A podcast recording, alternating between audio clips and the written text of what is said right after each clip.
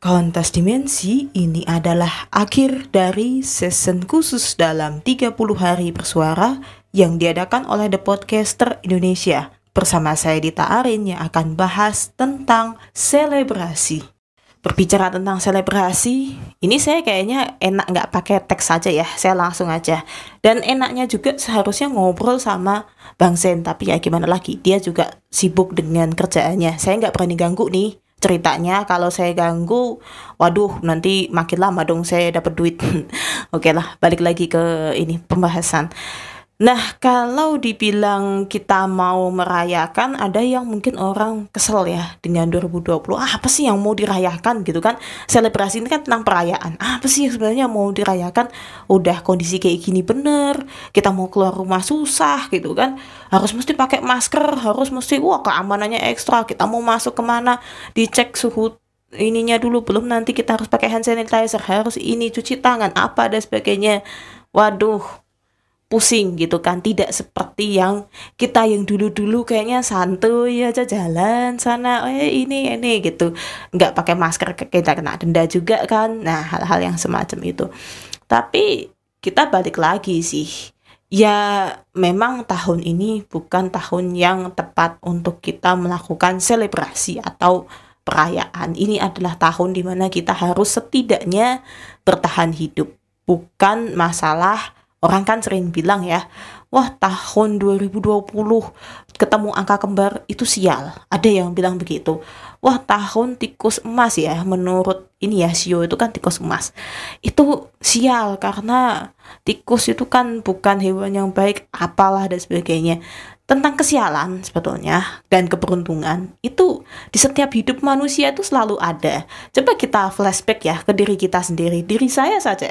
Itu ada yang kesialan, ada yang keberuntungan. Contoh kesialan saya yang paling simpel, tiba-tiba kepleset. Itu kesialan gitu kan. Meskipun wah kelihatannya lucu, iya. Tapi siapa yang tahu saya bakalan kepleset dengan cara apa, dengan style yang apa, atau kepleset karena apa, padahal rasa rasa-rasanya rumah ini udah bersih banget gitu ya. Kok bisa masih kepleset? Rupanya ada obat pelnya ini tumpah gitu. Atau ternyata saya nggak tahu ada yang tumpahin minyak kucing gitu kan nyenggol minyak goreng sehingga lantai jadi licin dan saya kepleset atau gimana gitu. Ya itu wajar sih. Sangat wajar gitu ya jadi ya kita nggak baik juga sih. Terusan kita mau merutuk wah tahun ini nggak boleh ada pesta nggak boleh ada kumpul-kumpul nggak boleh ini. Ya sudah karena memang tahun ini bukan digunakan untuk selebrasi atau perayaan yang seperti itu gitu kan. Ya ya ya udahlah gimana sih kita mau protes juga ngapain gitu kan kita nikmati aja gitu kan. Yang penting kita jangan stres amat yang ada. Kalau kita stres malahan gimana ya badan ya pengaruhnya juga nanti kita malah jadi kena penyakit dan nah itulah. Ya kita nggak berharap ke penyakit yang itu yang pandemi saat ini ya. Tetapi kan kita dari hal yang semacam ini aja kita tetap setidaknya harus menjaga lah moodnya menjaga mindsetnya juga sehingga kita nggak mudah kena penyakit apa pun. Kalau dari mindset aja kita udah berpikirnya negatif terus kalau dari mindset aja kita udah susah banget untuk berpikir positif otomatis sebetulnya ya penyakit itu bakalan kena ke kita. Tanpa kita sadari gitu kan. Makanya ya ayolah kita bawa ya sebagaimana mestinya gitu kan. Kalau kita bawa happy bener ya gimana gitu kan. Enggak sih tapi kita jangan terlalu panik tetap waspada tetap tetapi tidak panik itu aja. Dan kalau misalnya wah mau liburan aja susah kan kita lihat ya dari tadi TV itu. Kita mau merayakan tahun baru gitu kan.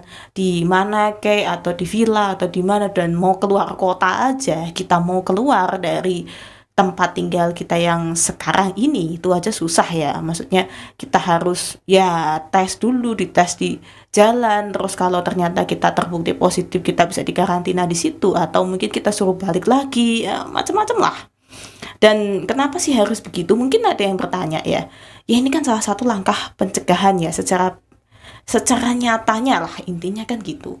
Kalau susah ngomong preventif akhirnya secara nyata gitu kan karena ini bukan satu hal yang disebabkan oleh adanya hal-hal yang berhubungan dengan alam lain. Itu nggak ada itu kan.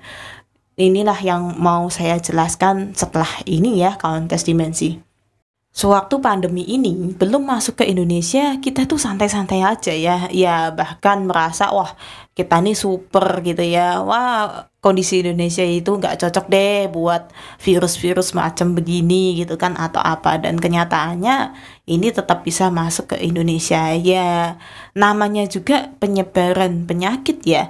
Kita kan nggak bisa mencegah. Bukan masalah karena orangnya itu kurang selektif atau bagaimana. Kan dari luar itu kan masih ada kan waktu itu penerbangannya. Sehingga kan kita nggak bisa mencegah. Terus ini kalau orang ini bawa bagaimana? Sementara yang disebut virus aja kecil luar biasa Terus ketika kita sudah mulai ya fase-fase ngebom gitu ya, tahu-tahu wah melejit gitu kan. Kasusnya sekian sekian sekian. Wah, orang kan begitu ketakutan, jangan keluar dulu, jangan ini begitu kan. Sehingga itu malah justru menyebabkan sistem imun kita juga melemah karena kita jadi takut bener menghadapi apa yang ada saat ini gitu kan. Kita jadi mengurung diri di rumah padahal kan ya ya manusia itu nggak bisa. Terus kita dikurung aja gitu kan. Nggak ada hiburan nggak ada apa. Suntuk loh bosan loh. Coba bayangin kita aja kayak waktu sekolah dulu ya atau waktu kuliah gitu. Saya dulu waktu kuliah kan ada jeda antar semester itu libur kan setidaknya satu bulan. Itu sampai mau ngeblank coba karena di rumah aja. Ya saya mau main main ke mana gitu kan. Ya oke lah main main kan sekali dua kali. Udah habis itu kan pulang rumah tapi kan asli nggak ada kegiatan yang digunakan untuk berpikir itu kita rasa agak gimana ngeblank gitu. Dan itu akhirnya yang membuat kita mas-malsan bangun siang terus ya kita nggak ada kegiatan apa. Kalau saya dulu lebih parah lagi ya sampai main game di smartphone dari jam berapa sampai jam berapa gitu. Ya maklumnya namanya juga gamer ala-ala. Nggak jangan ditiru deh saya cewek tapi gamer juga sebenarnya gini nih. Cuman jangan ditanya gamenya apa. Saya game-game offline biasa itu hanya untuk ngebunuh waktu sih. Nah oke okay, kita kembali lagi ke masalah yang pandemi ini.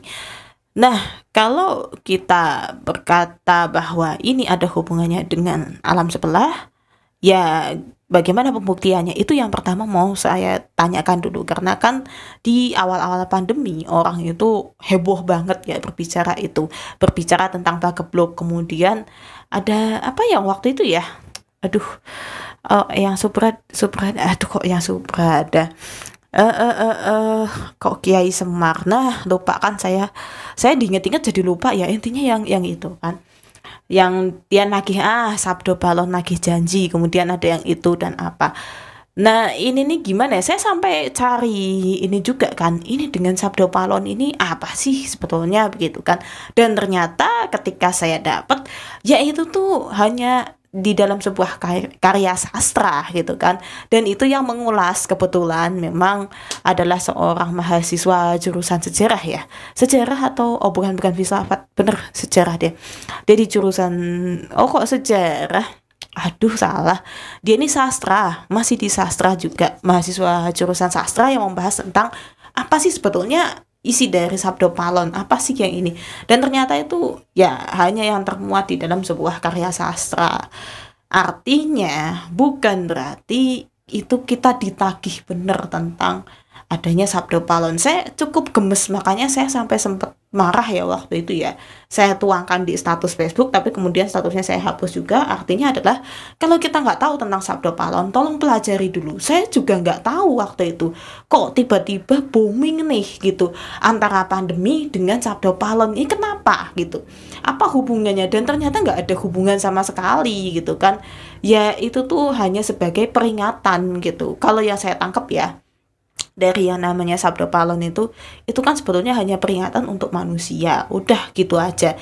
Tapi bukan berarti itu semacam sebuah apa ya peringatan yang sudah sejak lama gitu kan. Kemudian ini aduh nggak bisa juga sih. Makanya saya gemes. Jangan langsung tiba-tiba bahas tentang sabdo palon kalau kita memang nggak tahu itu apa gitu kan.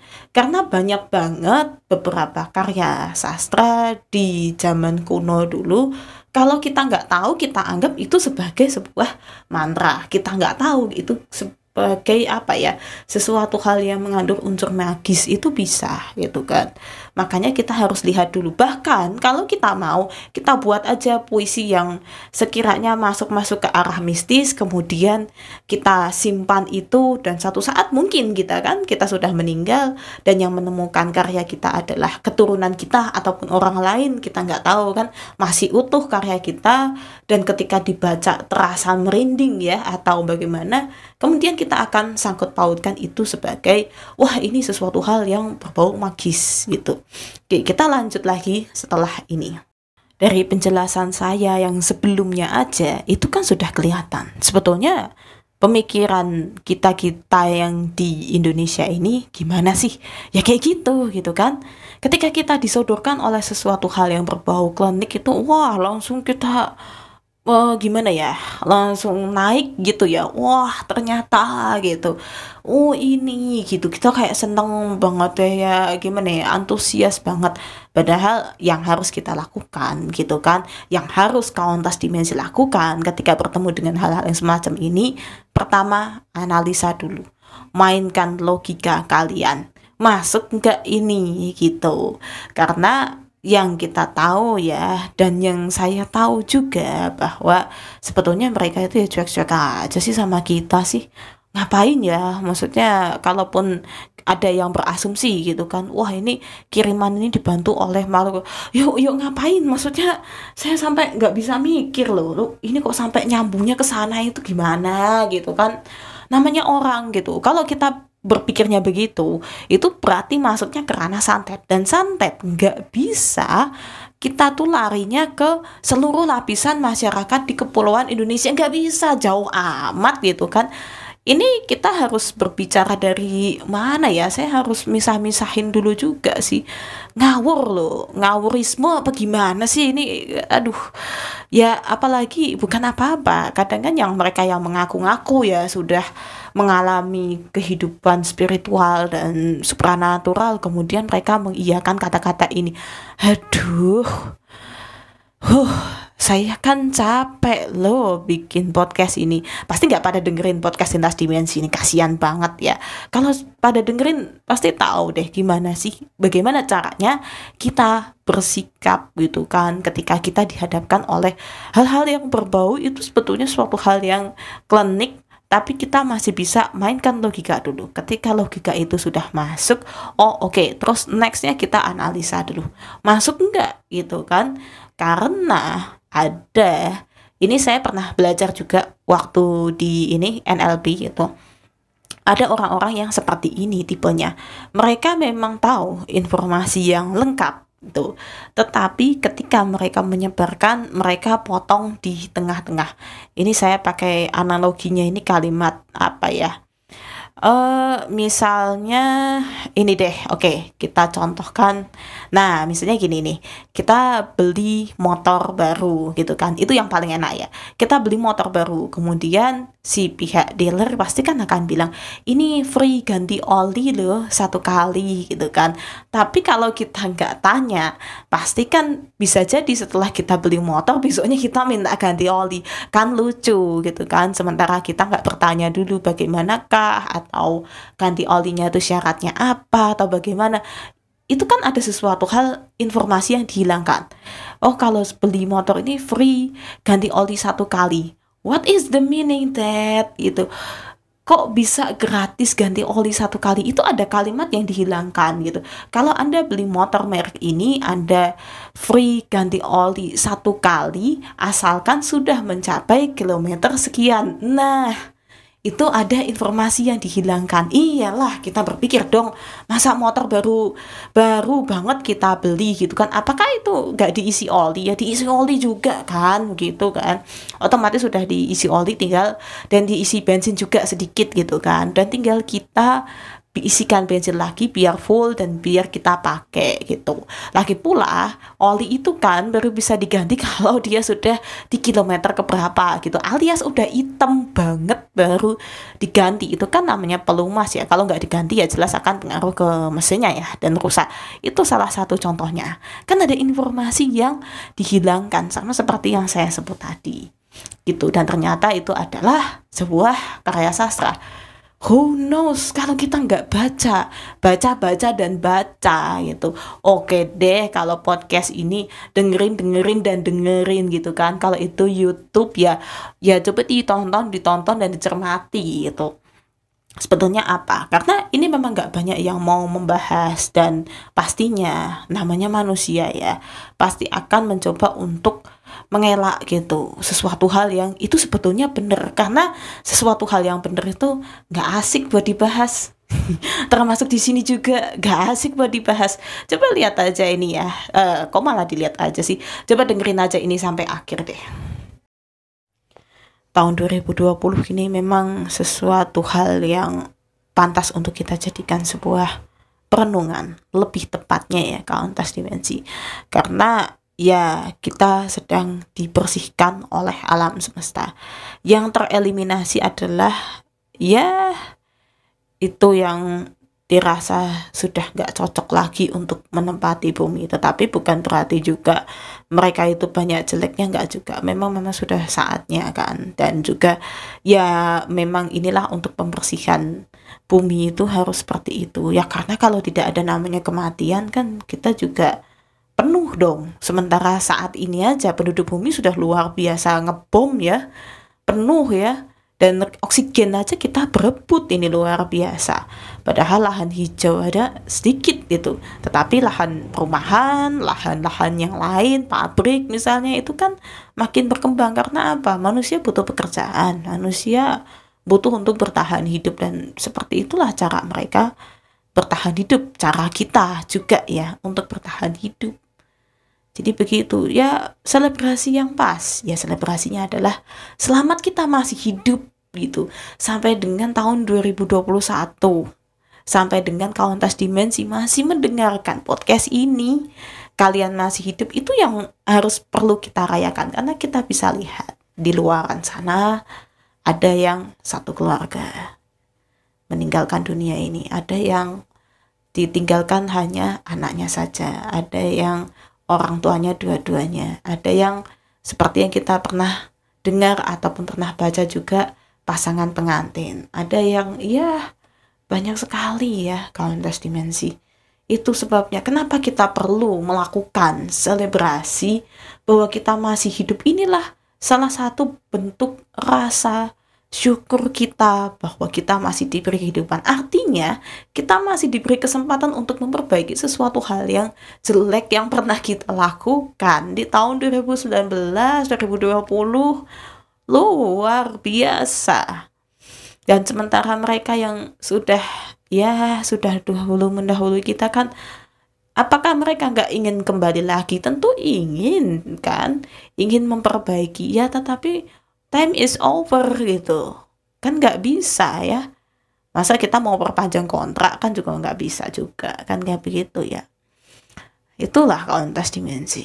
Makanya kalau kita mau ya berkaca pada tahun 2020 ini cuman itulah yang bisa saya kasih tahu ya ini sebetulnya bukan materi yang lebih masuk ke ranah supernatural ya, tetapi kalau saya sih lebih suka ini menyangkutkan pada ranah spiritual kita.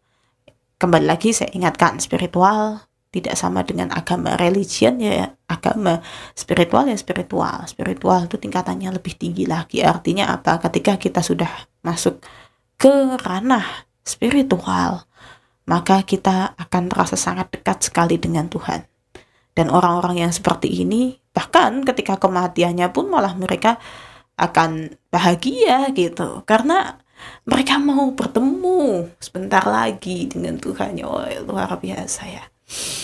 Nggak tahu saya kok. Ya tiba-tiba membayangkan. Tapi benar kok kauntas dimensi. Kalau kita mau merayakannya cukup rayakan yang ke sana saja. Ya tidak perlu perayaan yang hura-hura gitu kan mau nyalain kembang api juga boleh gitu. Tapi itu kan sebagai bentuk rasa syukur kita oh kita masih diberi kesempatan.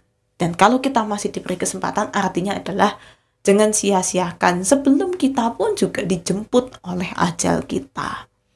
Kayaknya ayo kita perbaiki sekarang.